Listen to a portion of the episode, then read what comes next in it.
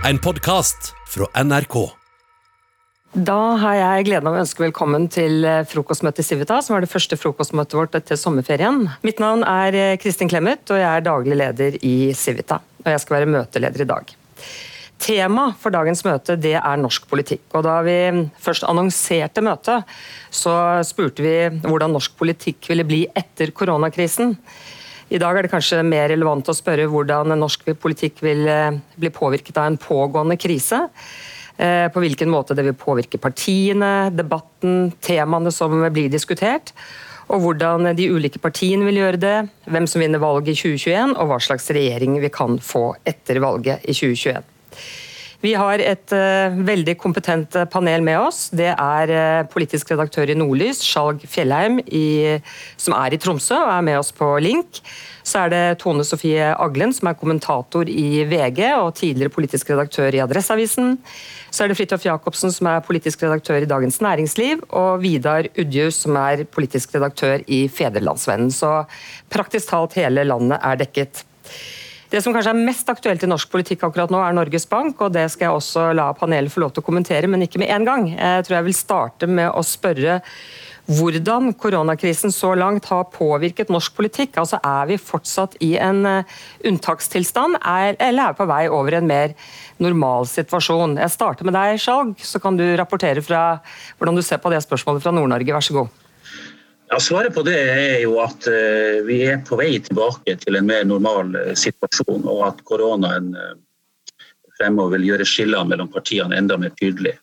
Jeg, tror at vi fremdeles vil se til dels, til dels, ganske stor enighet om smitteverntiltak og åpning og stenging og lukking av samfunnet, men alt tyder jo på at vi ikke har sett det verste enda rent økonomisk.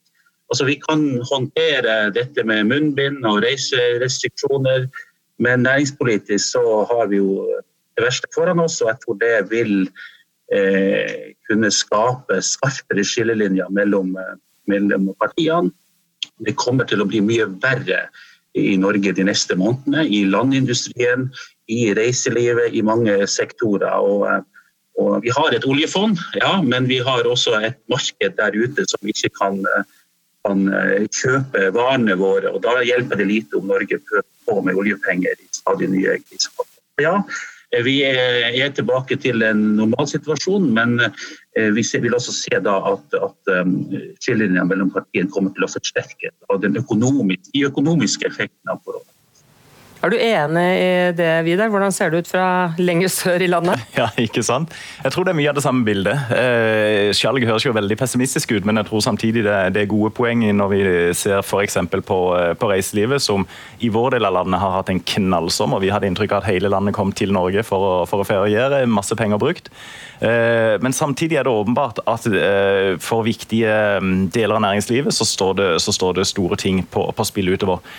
Når det gjelder spørsmålet om kommer dette temaet også til å være med oss inn i og dominere valgkampen, så tror jeg samtidig at folk flest begynner å kjenne på en sånn koronafatigue. At det er OK, vi skal forholde oss til, til, til disse tiltakene som myndigheter kommer med, men, men, men, ikke la det dominere absolutt hele, hele, debatten.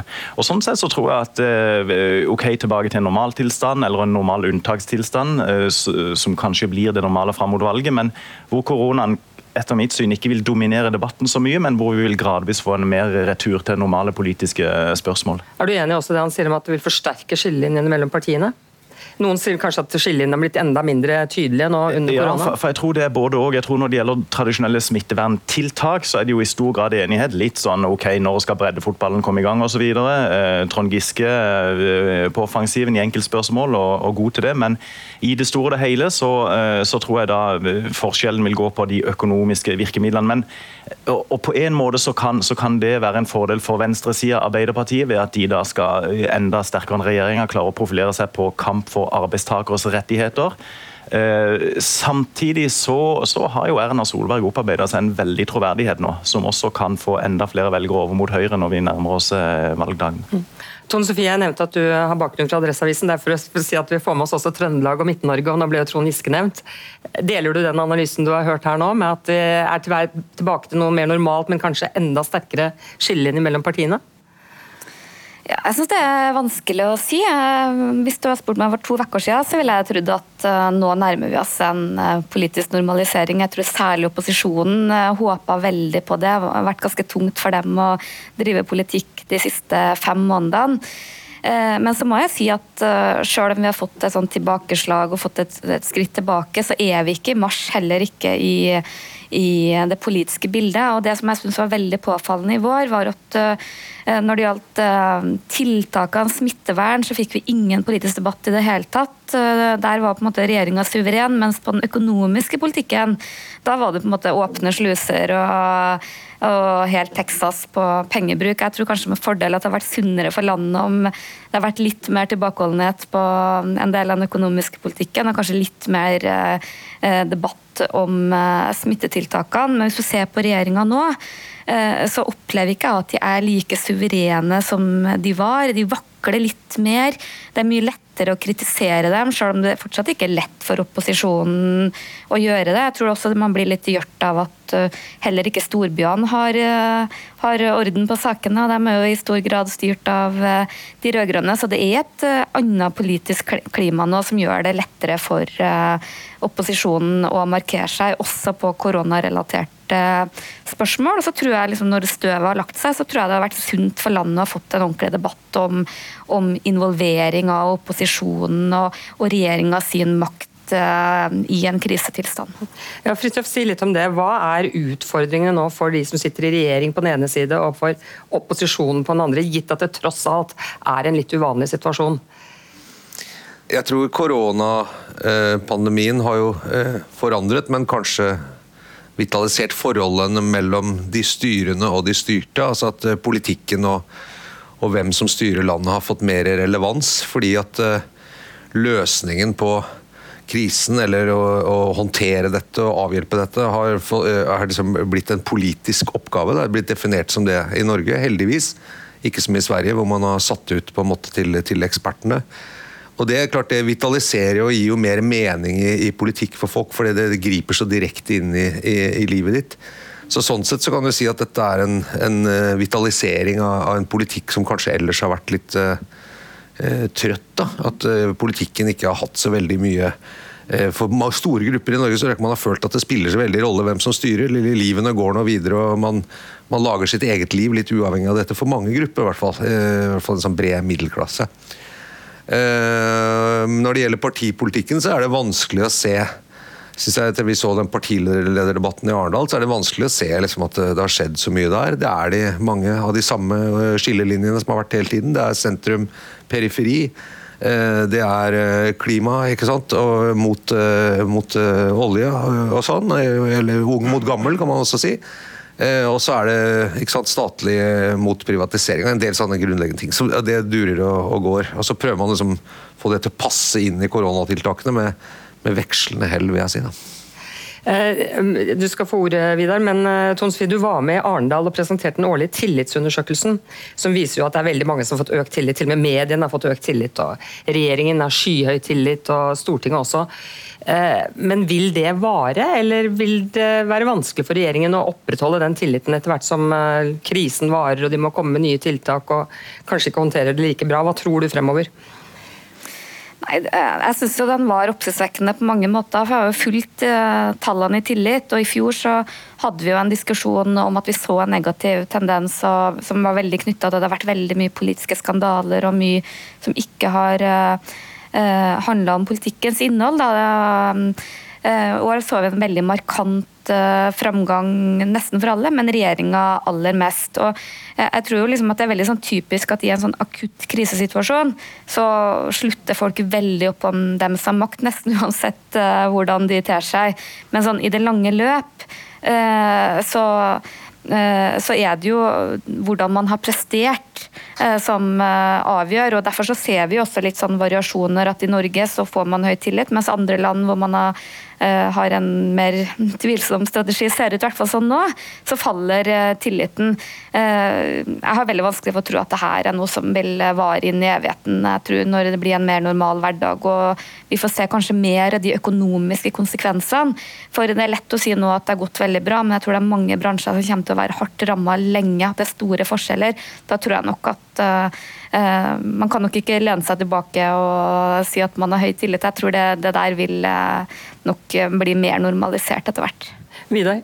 I forlengelse av det som Tone Sofie sier, så tenker jeg også da at Regjeringa har jo den naturlige store fordelen at de om ikke har informasjonsmonopol, så sitter de jo da med, med, med sine bånd til Helsedirektoratet og Folkehelseinstituttet og kan på en måte Eh, definere den delen av debatten eh, mye klarere, til stor frustrasjon for, eh, for opposisjonen.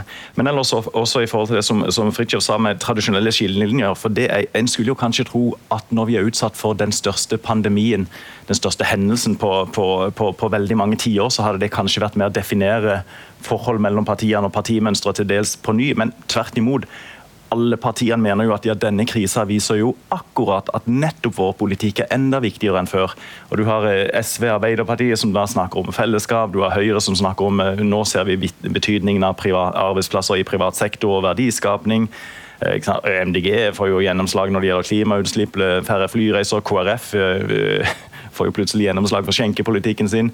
Så det er på en måte alle, mm, alle bruker denne krisa til å blankpusse sin egen profil egentlig heller enn å, å, å, å definere en, en, en, ny politikk. Mm.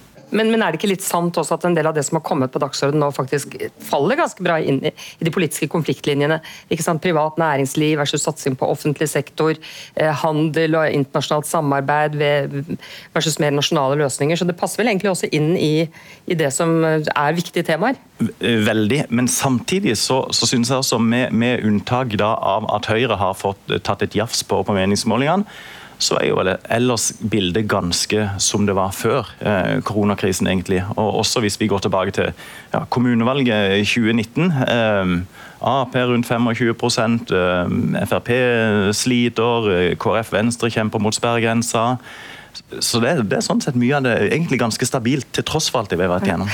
Eh, Skjalg, eh, vi må bringe inn deg også. og det, det, som det blir sagt her, så kan det være frustrerende for opposisjonen når regjeringen har en, en sånn scene at man kan ha pressekonferanse hver dag og styrer hele kor koronakrisen. Hva er det mest effektive opposisjonen kan gjøre for å bringe seg selv på scenen så å si, og, og sette dagsorden?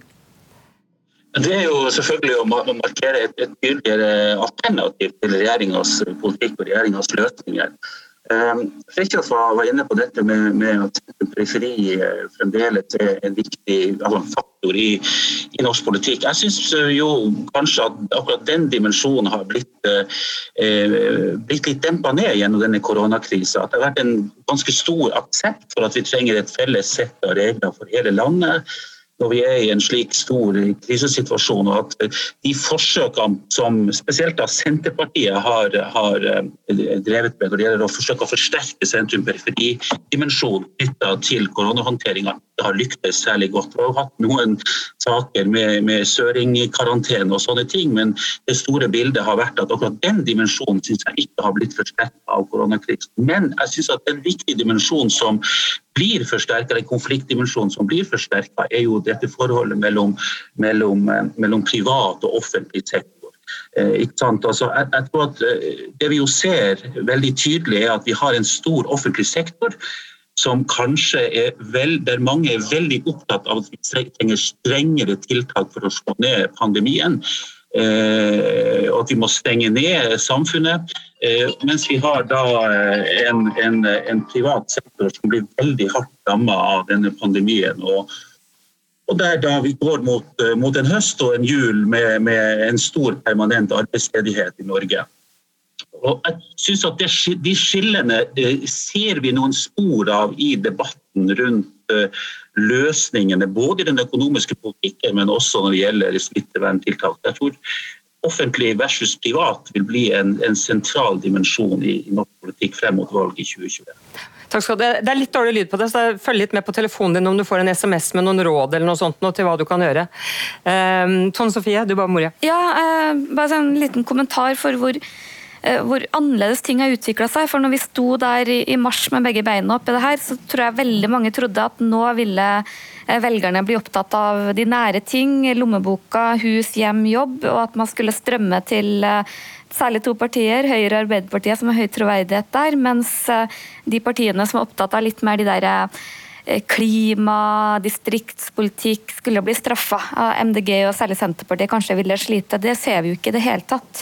Og den tilstrømninga til Arbeiderpartiet som jeg i hvert fall trodde ville komme, har vi heller ikke sett. Liksom, eh, det politiske mønsteret er veldig likt, eh, som flere har vært inne på. og det Eh, det betyr ikke at ikke det kan skje når vi får mer fokus på økonomi og gjenoppbygging og mindre på korona, men eh, alle spådommene er i hvert fall eh, ikke gått i oppfyllelse så langt. Nei. Og Fritjof, den der med offentlig privat sektor, du er jo næringslivsavis, merker dere det? At det er en tiltagende debatt, eller hva tror du? Jeg syns den, den, var kraftigere til å begynne med, hvor en del mente at det var litt vel drakonisk å stenge ned hele Norge, og med de kostnadene det hadde for privat sektor. Eh, nå tror jeg ikke det er så mange som har gjentatt det. Eh, og vi ser jo nå når ganske mye optimisme før sommeren og tilbake til høsten når man trodde det skulle bli mer normalt og mindre smitte.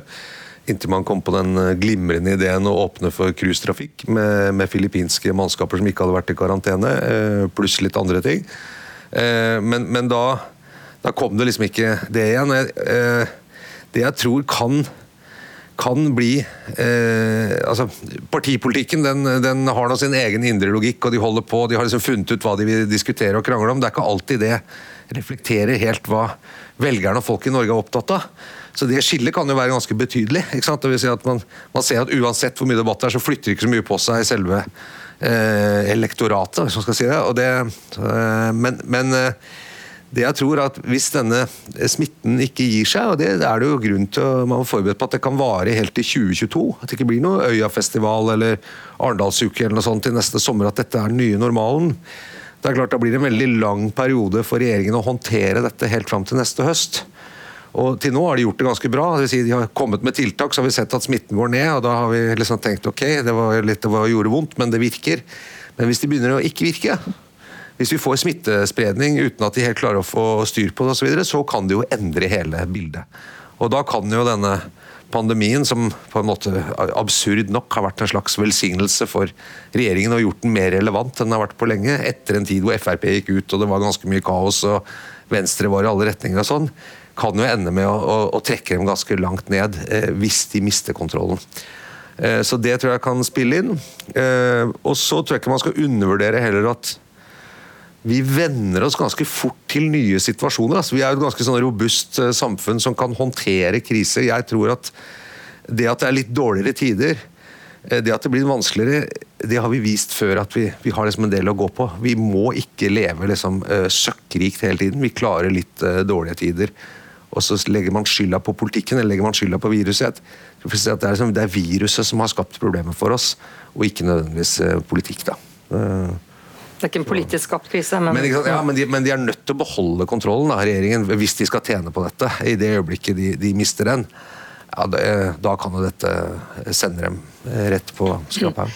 Men siden det er så stabilt som dere sier, da, det skjer ikke så mye på målingene, så er da valget i 2021 avgjort? Eh, på den måten at eh, det blir regjeringsskifte og Jonas Gahr Støre blir statsminister, eller har de borgerlige noe som helst håp om å kunne vinne valget? Dere må nesten si ja, for ellers kan programmet slutte. Skal jeg si. Det blir ikke så spennende. Men uh, Vidar, hva tror du? Ja, nei, Jeg tror det du, det du, det du gjerne vil høre. Så uh, at, det, at, det, er usikkert. Jeg tror det eneste som vel ser sikkert ut, er at vi, uh, vi får en ny mindretallsregjering. Um, og så er det jo ganske sannsynlig at det blir en, en Ap-dominert regjering, som det ser ut nå. Men, men, men igjen, hvis en skrur klokka tilbake et, et, halvt år, så var det ikke mange som hadde sett for seg det vi nå har sett det siste eh, siste halvåret. Og, og, og en vet jo ikke hva, hva, som kommer til å skje i det hele tatt. og så, så er det også et moment for det som, det som du var inne på nettopp i stad, som er hvilke saker dominerer agendaen, hvilke saker skriver vi om i, i, våre, i våre medier kontra hvilke spørsmål rører seg i sosiale medier som vi eventuelt ikke klarer å fange opp eller ikke skriver om. Det kan være, det kan være to, to, ulike verdener også som kan, eh, som kan flytte mange velgere. Men, eh, men, per i dag så, eh, så, er jo Erna Solbergs største problem er jo da Venstre og KrF, og, og i parentes Frp. Så hun og Høyre gjør det jo strålende. Samarbeidspartiene gjør det ikke bra. Jonas Gahr Støres problem er jo sånn sett det motsatte. Han sliter, men denne formen for koalisjon han skal regjere sammen med, eh, gjør det bra. Men jeg må spørre deg, Du kommer jo fra KrF-land, så å si. og eh, det er jo Noen som sier at KrF langsomt er på vei oppover, kanskje liksom passerer sperregrensen. Hva er din vurdering av det? De, de, lever jo av tideler, så det blir jo enormt spennende å se. Eh, men, men, de har jo på en måte Det virker som de har, eh, som de har eh, hva skal han si, passert bunnpunktet, eller iallfall ikke kommer lenger ned. Og I de siste så har jo målingene vist litt, sånn, litt i overkant av 4% som de, som de leser med stor interesse på KrFs partikontor. Men, men de er jo inne i en langvarig nedadgående trend. De har gått tilbake ved hvert valg siden 2003, KrF. Og det 4,2-resultatet nå ved forrige stortingsvalget var jo virkelig en øyeåpner eh, for de. Men igjen en trend som hvis ikke kan brytes, så, så forsvinner de jo som nasjonalt parti. Eh, kanskje har det da noe for seg som Kjell Ingolf Ropstad nå prøver å litt sånn ta etter det sverige, svenske eh, kristelig-demokratiske partiet og gjøre de til et til et definer, klart definert borgerlig parti. Vi så han også i denne, denne debatten mot Audun Lysbakken under partilederdebatten i Arendal, hvor han var ja, ideologisk, rett og slett. Det er lenge siden jeg har hørt en KrF-leder som var såpass på, eh, eh, på den linja. Det blir et av de store spenningspunktene. Det var næringslivsspørsmål? Næringslivsspørsmål, som jo og vi som på en måte har kjent Kjell Ingolf Ropstad opp igjennom fra han slo igjennom som leder i KrFU osv., vet at det er det som er Kjell Ingolf Ropstad, det er det han liker å snakke om. En sånn, eh, Andre vil kalle, kalle han en, en kristen høyremann, men det er på en måte en Eh, ja, det er der han har sine røtter. og Verdiskapning og, og haugianismen og osv. Veldig spennende å se om det kan, eh, om det kan gi resultater i, i 2021. Men igjen så kan det jo dukke opp spørsmål som definerer valgkampen som ingen nå har tenkt på, som kan eh, endre det totalt. Mm. NRK P2. Hvordan blir norsk politikk etter koronakrisen? Du hører Debatt i P2. Arrangør denne gang er tankesmien Civita.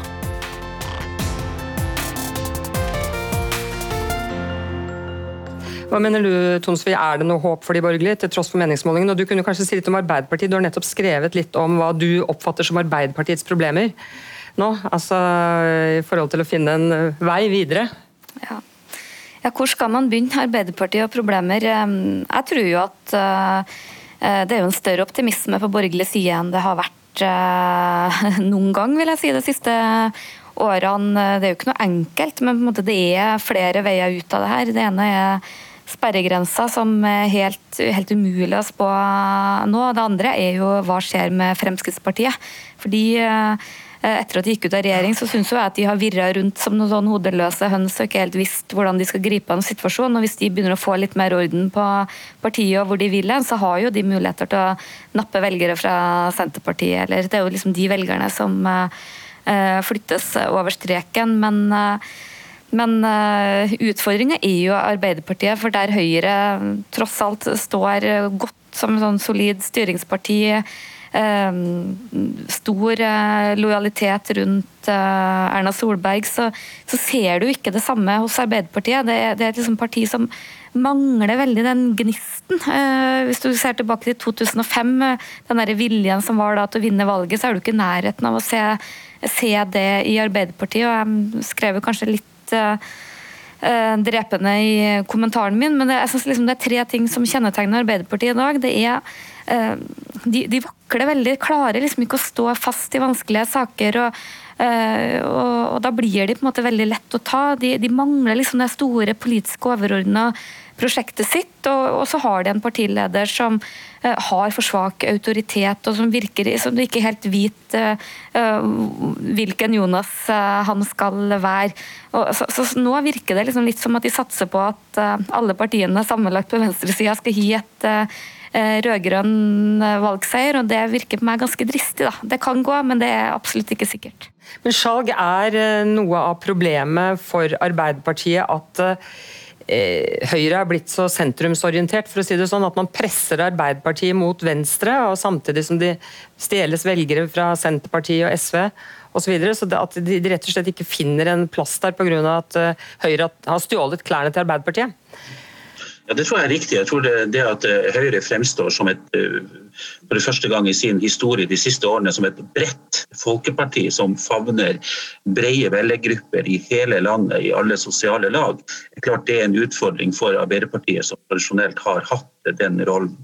Eh, jeg tror man skal være forsiktig med å undervurdere Høyre og Erna Solberg i dette, i dette valget. For Vi skal huske på hva som står på spill for Erna Solberg om ett år. Altså, hun kan eh, jo rykke forbi Jens Stoltenberg og Gro Harlem Brundtland og, og eh, også Johan Nygaardsvold. Og, og, være den etter Einar Gerhardsen som har sittet lengst som statsminister i Norge, hvis hun får den, sin tredje periode. Da. Og da vil hun da kunne sikre seg en evigvarende posisjon som en av de virkelig store og ruvende i norsk politikk.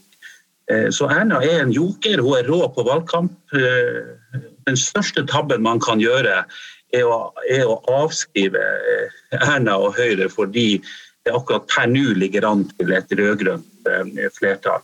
Når det gjelder Jonas og Arbeiderpartiet, så har jo mannen en imponerende stayerevne. At han holder ut med de interne spenningene i sitt eget parti. og et parti der han jo ofte blir tolka på, på verste mening så snart han eh, trampe litt ut i salatbollen. Han viser i alle fall en enorm appetitt på å bli statsminister. Eh, og det kan han jo fortsatt bli, en rolle som jeg tror kler han bedre enn å være partileder i et parti som holder på å implodere. Eh, men så er det jo mye som står på spill også for Jonas. Hvis han taper dette valget, som jo er hans siste sjanse til å bli statsminister, så vil han jo dessverre da gå inn i historien som en fiasko som Arbeiderpartileder. Så det er veldig mye som står på spill både for Erna Solberg og Jonas Gahr Støre, de to store i norsk politikk det neste året. Vidar, også Fridtjof?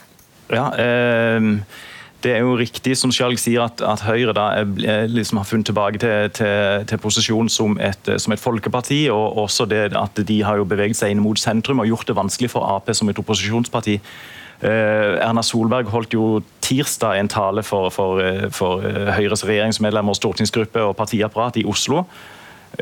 Kamp mot ulikhet, mot forskjeller, for integrering. Det var nesten ord for ord en tale som kunne vært holdt av Jonas Gahr Støre eller Jens Stoltenberg for, for den del.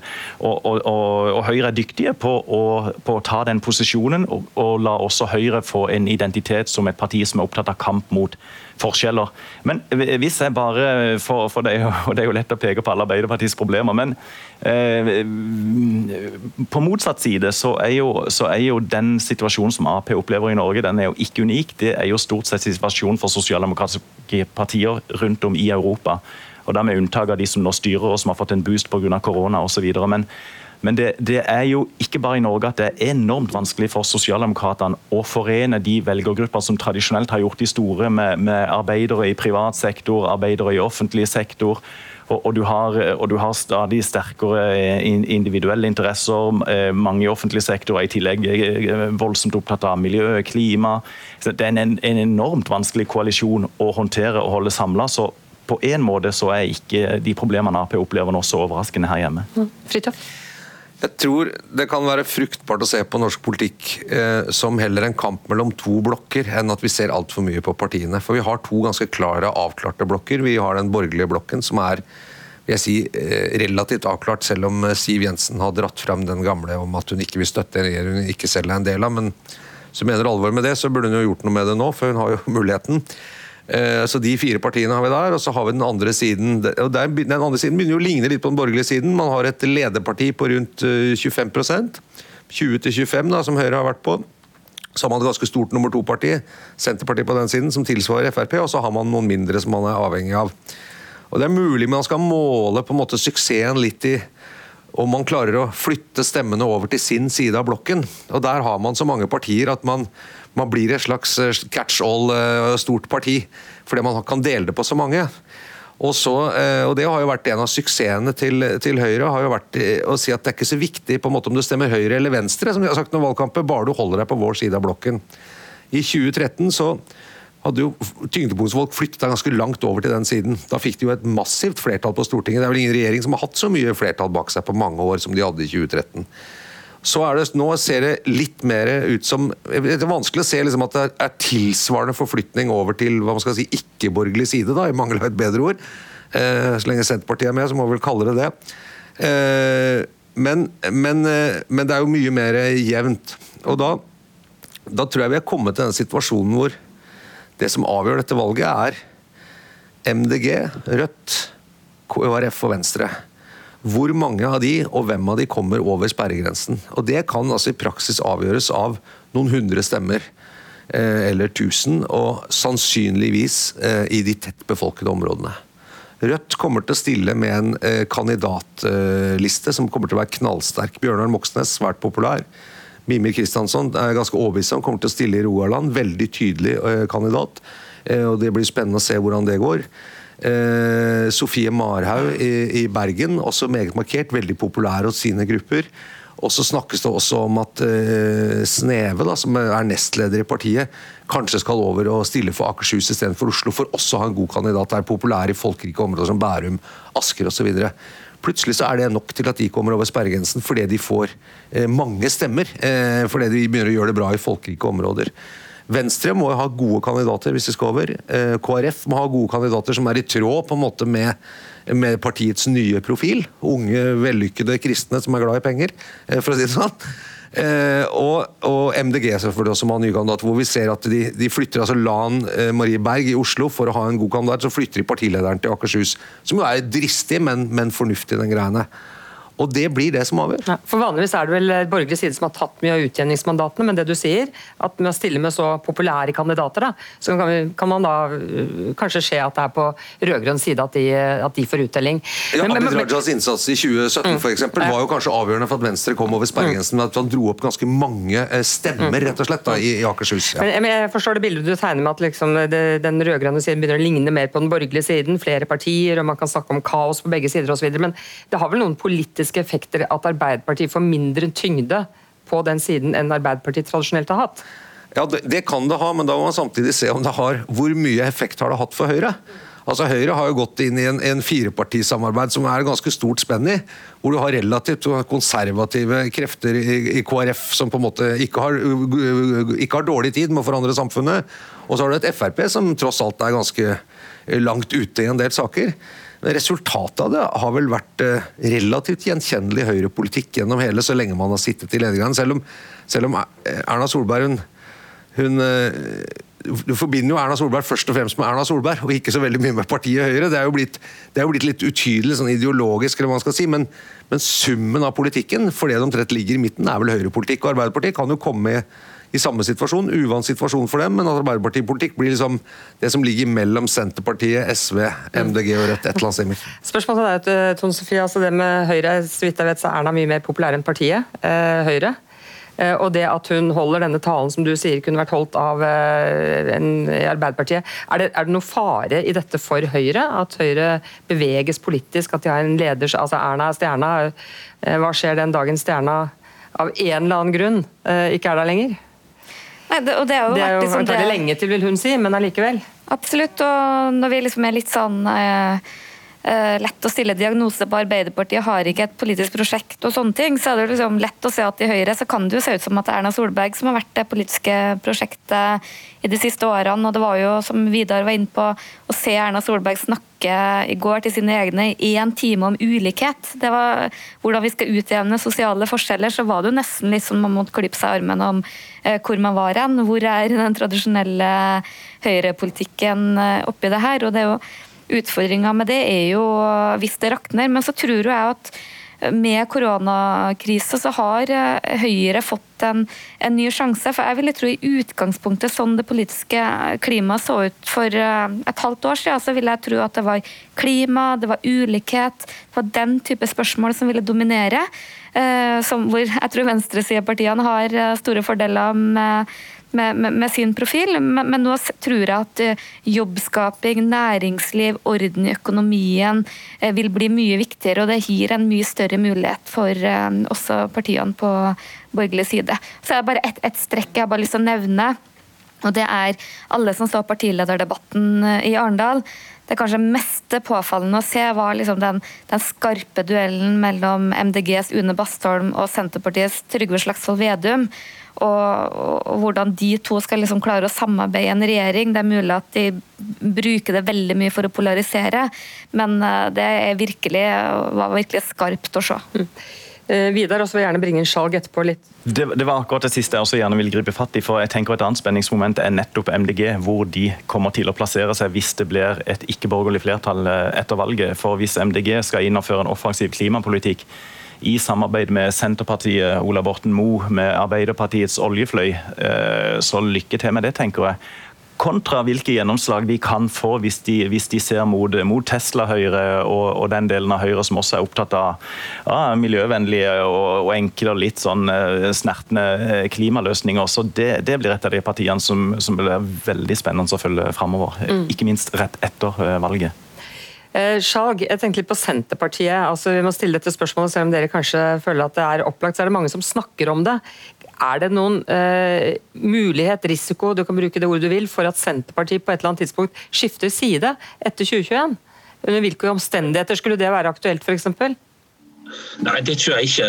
Ola Borten Moe har rett og slett ikke stor nok innflytelse i Senterpartiet i dag. Eh, til å kunne gjennomføre en slik operasjon som man nok sikkert eh, har eh, lyst til. Ehm, det er jo gjennom å være et alternativ til Arbeiderpartiet at Senterpartiet har fått sin store oppslutning i Nord-Norge Vestlandet og også innlandsfylkene. da. Og jeg tror eh, Med Sygve Slagsvold Vedum som, som, leder, så tror jeg det er veldig vanskelig å se for seg at det partiet skal gå til høyre og skifte side. Selv om det kommer veldig tydelige signaler på at de ikke vil ha med eh, SV i, i regjering. Hvis jeg bare kan få Kristin knytte en liten kommentar til det med MDG, så, så er jo det jeg er helt enig med Tone Sofie Aglen i at det er kanskje noe av det mest interessante frem mot stortingsvalget 2021, denne konfrontasjonen som vi kommer til å se nettopp mellom Senterpartiet og MDG. Um, og Det er jo i stor grad eh, storbyvelgerne som kommer til å avgjøre valget til neste år. Det er jeg også helt, helt enig i. Og Vi ser jo hvordan denne klima politikken eh, spiller inn her. Høyre og Arbeiderpartiet forsøker å nærme seg MDG, tilpasse sine politiske løsninger til MDG for å tekkes eh, storbyvelgerne i Trondheim, Oslo, Bergen og Tromsø.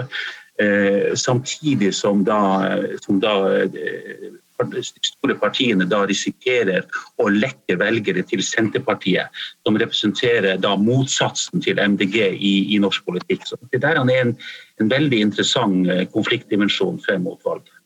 Eh, Fritjof? Jeg, jeg, tror av og til vi ser for mye på konflikt mellom partiene og tenker at, er, at eh, valg bare er et nullsumspill hvor de ene skal stjele fra de andre osv. Men valg de siste årene, og spesielt dette valget, handler veldig mye om mobilisering. Altså Det handler veldig mye, og særlig for nye partier, eh, som, eller nye partier som er vei opp, som MDG og Rødt, og også det samme for Venstre og KrF, så gjelder det å få budskapet så tydelig at at alle de som faktisk har en eller annen form for sympati eller tilknytning, går og stemmer. Eller at nye, unge velgere eh, sier at ja, dette er mitt parti, det snakker til meg, og dermed kan du få stemmer. Så, så liksom det de driver og krangler om med hverandre, tror jeg nesten er mindre relevant. Og det er nok ganske få, ikke så mange velgere som får med seg heller, for det er, det er det er litt fjernt, det er egentlig.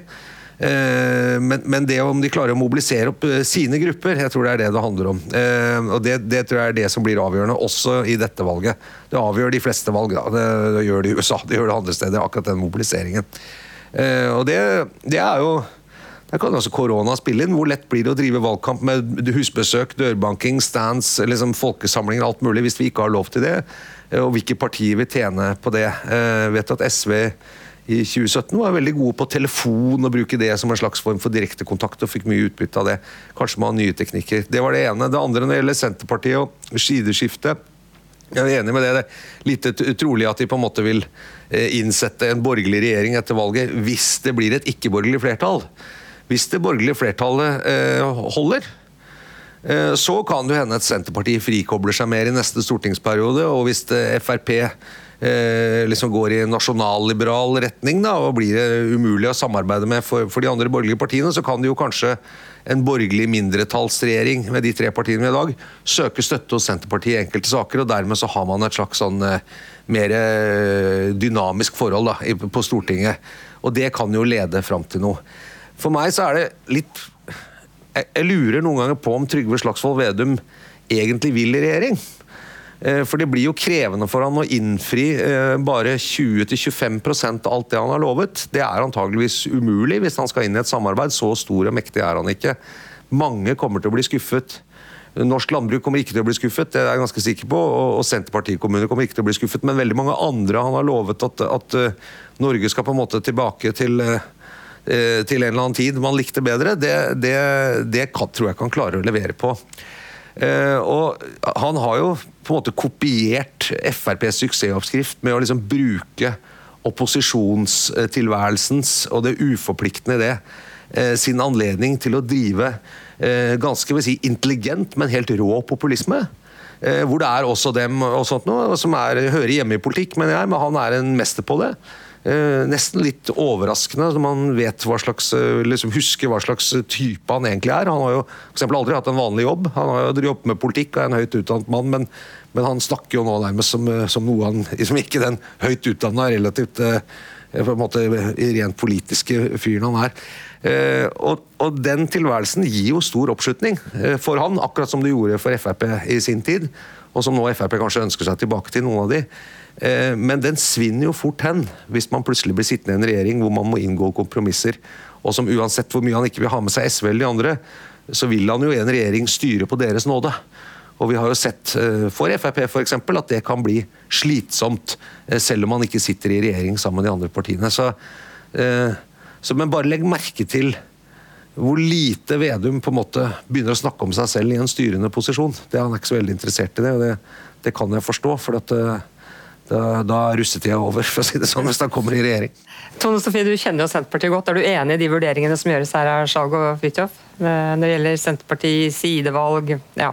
Ja, Det er jo fascinerende å følge forskjellen på særlig Senterpartiet og SV. For det er jo to partier som satt i de grader har sklidd fra hverandre siden de regjerte sist. Eh, mens SV på en måte har fokusert veldig på ulikhet, klima, veldig Eh, poengtert på sine to saker, så har jo Senterpartiet gått fra på en måte å være det landbrukspartiet til å bli liksom eh, distriktene og motkulturenes parti som liksom tar all misnøye. og Uh, uavhengig av hva du mener om det, så er det jo bare å bøye seg i hatten for uh, den kommunikatoren uh, Trygve Slagsvold Vedum har vært. og jeg tror han har vært veldig god på det der Eh, jeg tror heller ikke på noe sånn sideskifte, men det, det han har vært veldig god på, er at han på en måte blinker veldig liksom, til høyresida. Appellerer nok til veldig mange der ute som i utgangspunktet stemmer både KrF og Høyre, og ikke minst Frp. Eh, mens eh, liksom, den politiske hovedkursen på økonomisk politikk, distriktspolitikk, er nok ganske godt eh, forankra. Eh, Utfordringa til Senterpartiet er jo for det første, hvis eh, Arbeiderpartiet taper på vegne av dem nok et valg, så er jo det et parti som ønsker å styre. De trives jo ikke, egentlig ikke i opposisjon, så det er jo litt sånn Tror det vil komme en del eh, frustrasjon der, så er det jo selvfølgelig mye mer politiske spenninger i Senterpartiet enn det som kommer opp. Det er jo egentlig et veldig pragmatisk maktparti. Det er ganske mye sånn folk som egentlig er mye mer opptatt av miljø, men så lenge suksessen ligger oppe på 15% så liksom, da holder man fred, i motsetning til Arbeiderpartiet hvor alt går dårlig. Da kommer jo alt gørra opp til overflaten. Og det andre er jo at Senterpartiet ligger jo veldig, veldig høyt. Uh, uh, og vi har sett før at partier som, har, som ligger uh, det jeg kanskje vil kalle litt sånn kunstig hvis det først begynner å rakne, så kan det også rakne veldig fort. Så det er jo ikke gitt at, at det nivået er inn i evigheten, sjøl om, selv om jeg må si at de har holdt seg overraskende stabilt veldig, veldig lenge. NRK P2. Hvordan blir norsk politikk etter koronakrisen? Du hører Debatt i P2 Arrangør denne gang er tankesmien Civita.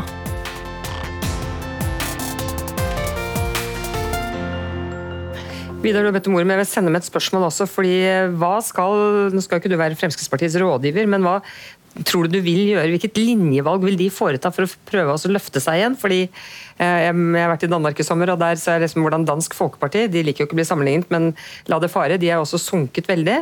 Og de prøver seg nå mer på en sånn kristen konservativt linjevalg. og det, det, kan jeg jo spørre deg, for du kommer fra den delen av landet hvor eh, det er en del av de velgerne. Men, trivelig, men, men, trivelig å snakke på vegne av de, ja. ja. ja. Nei, nei, men altså, Hva er din analyse? Hva tror du? Skal det være innvandring? Skal det være eh, mer sånn verdier? Skal det være mer bygd og by? Skal jeg si? Altså, Hvilke valg skal de gjøre? Ja, Det tror jeg de lurer på sjøl også. Også fordi at det tradisjonelle kortet som jo pleier å mobilisere for de, eh, ikke minst når det nærmer seg valg, innvandring, det, det kjenner vel folk seg knapt igjen i eh, nå, som det vel nesten ikke kommer eh, asylsøkere eh, til, til Norge. Kanskje vil de da i forhandlingene om statsbudsjettet til høsten så langt som mulig sette på spissen dette kravet om at nei til at vi skal ta imot kvoteflyktninger. Kanskje det kan, kan være med å mobilisere.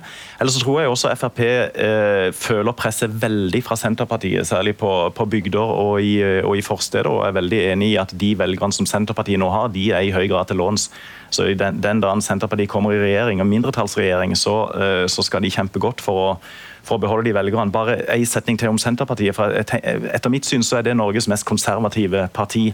Men det er en annen form for konservatisme enn Høyre, uh, hvor vekten er på å bevare, ikke, å, ikke på å forandre for å bevare.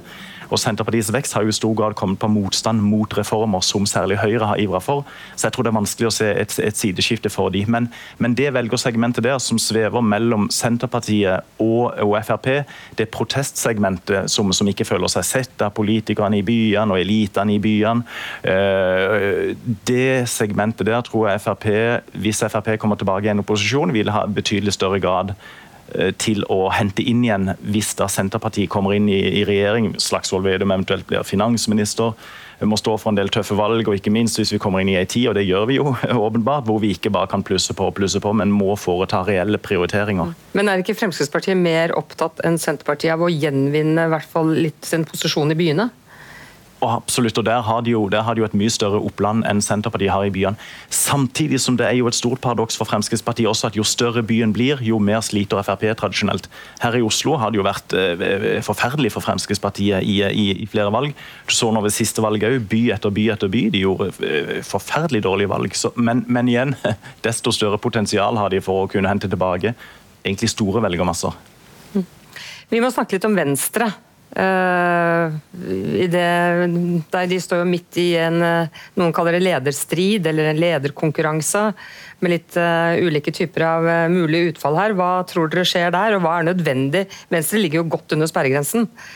så hva, er, hva, hva, må skje med Venstre for at de skal kunne løfte seg over sperregrensen? Hvem vil begynne? Fridtjof?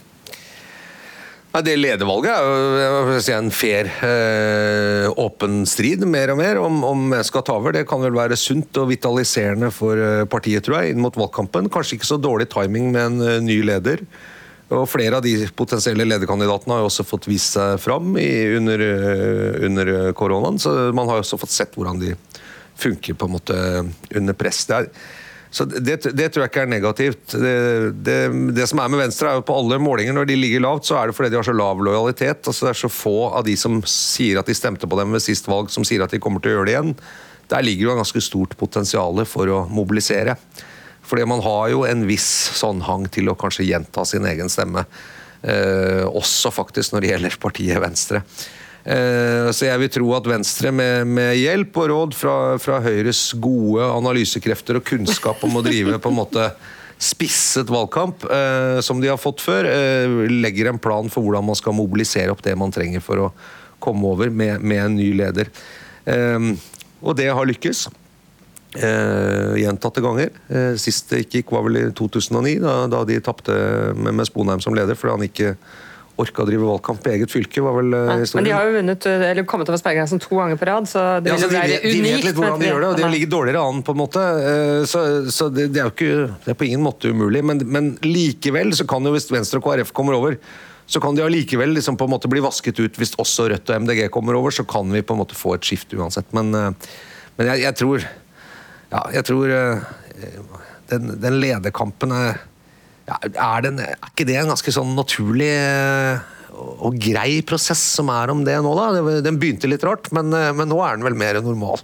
Men, men, men, men Sjalga, apropos lederstriden, eller hva man vil kalle det i Venstre. altså Får vi et ulike Venstre, avhengig av om det er Sveinung Rotevatn, Guri Melby, Abid Raja eller eh, Iselin Nybø, som, som vel er de mest fire aktuelle kandidatene, om de blir, eller mulige kandidater, om de blir ledere, er det, et, forskjellig, er det et linjevalg, eller er det bare et personvalg?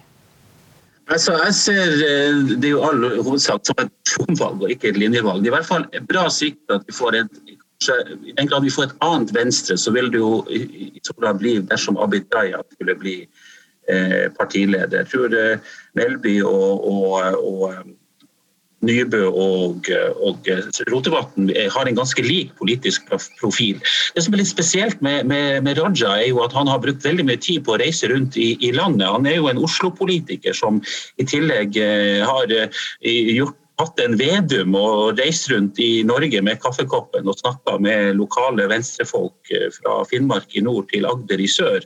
Og han står faktisk ganske sterkt en del steder eh, rundt i landet. Han har også brukt eh, koronakrisen til å bevege seg, seg mye rundt. Så, så, hans styrke kan jo være at han ikke utelukkende oppfattes som en Oslo-politiker, kanskje i motsetning til da spesielt Melby og, og Rotevatn. Selv om og begge har ståsted utenfor Oslo, så tror jeg de i stor grad oppleves og oppfattes som, som Oslo-politikere. Vi, vi, har fått eh, et interessant spørsmål, kanskje du kan svare på først, Vidar. Eh, på Twitter. Vil et eh, KrF over sperregrensen, men ute av regjering, kunne gi enkeltsaksflertall til Vedum og Støres regjering? Ja, Det tror jeg svaret er ja på. og jeg tror at Det er en del av strategien til særlig eh, Vedum. Eh, når han snakker om en eh, Ap- og Sp-basert regjering, så tror jeg det er nettopp det som er hans strategi. At ok, så kan vi gå til SV i, enkelte saker, men vi skal sannelig kunne gå mot Høyre òg, både til både til, til Venstre og KrF i enkelte saker, kanskje til Høyre i enkelte saker, og også til Frp i enkelte saker for å skaffe flertall. Og så skal vi bli det nye sentrum i, i, i norsk politikk. Og også i, i, Arbeiderpartiet så snakker de om at ok, hvis, hvis disse to partiene kan få rundt 40% av stemmene til sammen ved valget, så vil vi være styringsdyktige i en topartiregjering ved da å kunne hente flertall vekselvis. Og jeg tror gjerne at KrF med fornya selvtillit da, ut forbi regjering kan, kan tenkes å, å, selge seg, eh, om enn dyrt, i sånne forhandlinger. Fritjof, det dere sier er på en måte at Både Senterpartiet og KrF er, det er liksom et, en mulighet for at de i en gitt situasjon kan bidra til eh, flertall på den andre siden, da, i forhold til hvor de står i dag? Ja, Det, det vet vi jo ikke, men det, det, er, jo, det er, jo, det er godt resonnert. Men akkurat den taktikken, hvis ambisjonen på en måte er å bare partipolitisk liksom nøste seg ut av den situasjonen for å få makt. sånn som man sier nå, At vi kan søke litt flertall her, vi kan søke litt flertall i forskjellige saker. Så utsetter jo både Arbeiderpartiet og de andre partiene bare et problem, nemlig at man vil ha da en ganske stor andel, særlig yngre velgere, eh, fra, som går til MDG, Rødt og SV, og kanskje andre steder, som på en måte blir uten innflytelse. Som man utestenger fra innflytelse. Det er jo, det er jo farlig politikk, mener jeg. Eh, for det er jo ikke noe, ikke noe tvil om at vi kan si at klima kanskje ikke blir den store saken i valget, men for, for veldig mange folk under 35 eh, så finnes det ingen annen sak eh, som på en måte er viktigere politisk enn det. Og, er, og, det, og den er helt knyttet til at det er politiske løsninger som må til for å gjøre noe med klimakrisen. Sånn oppfattes det hos et veldig stort andel av yngre velgere. Og vi ser jo da at partiene som er offensive på det, har et helt annet grep om det enn enn en, en de partiene som på en måte eh, ikke er så offensive. Eh, demonstrert eh, i debatten om oljeskatten, hvor jo det ble en, en litt en en rakning i Arbeiderpartiet som jeg syns fikk litt lite oppmerksomhet. Og, og, Bare noen uker etterpå så gikk AUF-lederen varslet at hun ikke ville ta gjenvalg. Hun har ikke sagt rett ut at det hadde noe med det å gjøre, men det var i hvert fall et, et signal. Og det, det, er klart at hvis hvis partiene, spesielt da på ikke-borgerlig side, på en måte skal klare å partitaktisk på en måte nøste seg ut av det spennet som ligger mellom eldre velgere og, unge velgere, særlig i klimasaken, eh, så tror jeg de gjør seg selv en bjørnetjeneste, for da blir framtida enda eh, vanskeligere. Og store partier som Arbeiderpartiet kan risikere å miste en generasjon eller to som for, som for, måte, for alltid har gått. Da, da, blir det som i Tyskland, da, at eh, De Grønne blir mye viktigere enn en det som var igjen etter Schrøder, f.eks. Da har vi faktisk bare ca. et minutt igjen. Jeg stiller et siste spørsmål til deg, Tone Sofie. Blir det egentlig så veldig gøy å regjere etter 2021, uansett hvem det blir? Vi skal inn i helt andre tider økonomisk for Norge, hvis vi skal tro våre egne perspektivmeldinger om velferdsstatens fremtid osv. Hva tror du? Blir det tøft å være regjering i neste periode? Jeg tror i hvert fall alltid at det er gøy å, å regjere. Å drive med makt er jo hovedpoenget med å og holdt med politikk så lenge jeg har drevet og kommentert den bransjen, her snakker vi om at nå blir det tøffere, nå starter innstrammingene. Det er nesten snart at jeg tror det ikke før jeg får se det, men en eller annen gang må vi vel eh, gire om. Men det blir neppe nå. Da sier jeg tusen takk for eh, i dag. Takk til paneldeltakerne, og tusen takk til dere som har fulgt oss og som har lyttet til oss på radio. Du har hørt en podkast fra NRK. Hør flere podkaster og din favorittkanal i appen NRK Radio.